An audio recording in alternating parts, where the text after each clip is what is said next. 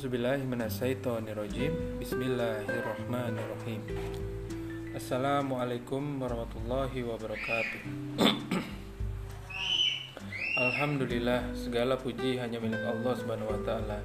Dialah yang telah menciptakan langit dan bumi dan segala isinya dengan sangat sempurna.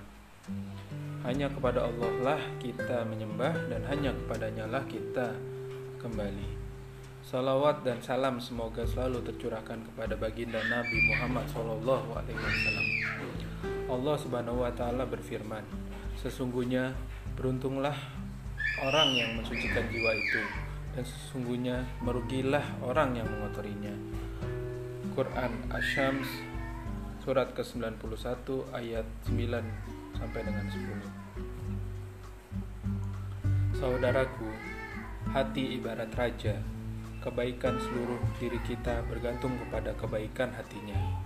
Jika hatinya baik, maka baik pula seluruh diri kita. Namun jika kita hati kita jelek, maka demikian pula seluruh diri kita. Demikianlah Rasulullah Shallallahu Alaihi Wasallam ajarkan. Kita sering kali merasa khawatir jika kendaraan kita kotor. Ada satu kotoran saja di kaca atau bodi kendaraan kita, maka kita bergegas membersihkannya.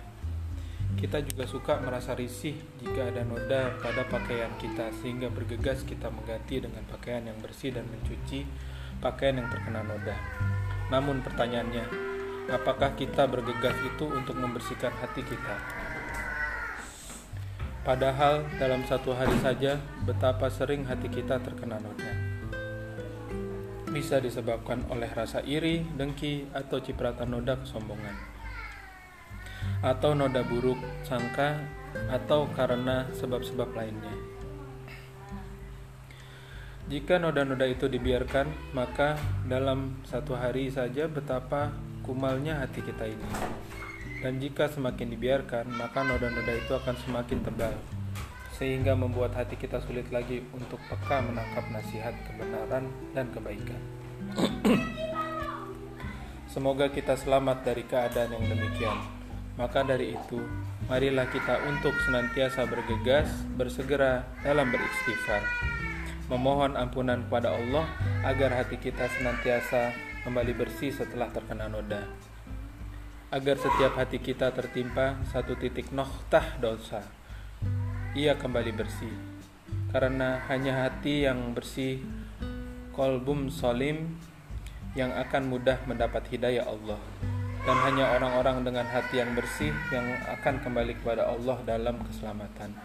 Wallahu alam bisawab. Oleh Kiai Haji Abdullah Gimnastiar Aagim. Assalamualaikum warahmatullahi wabarakatuh.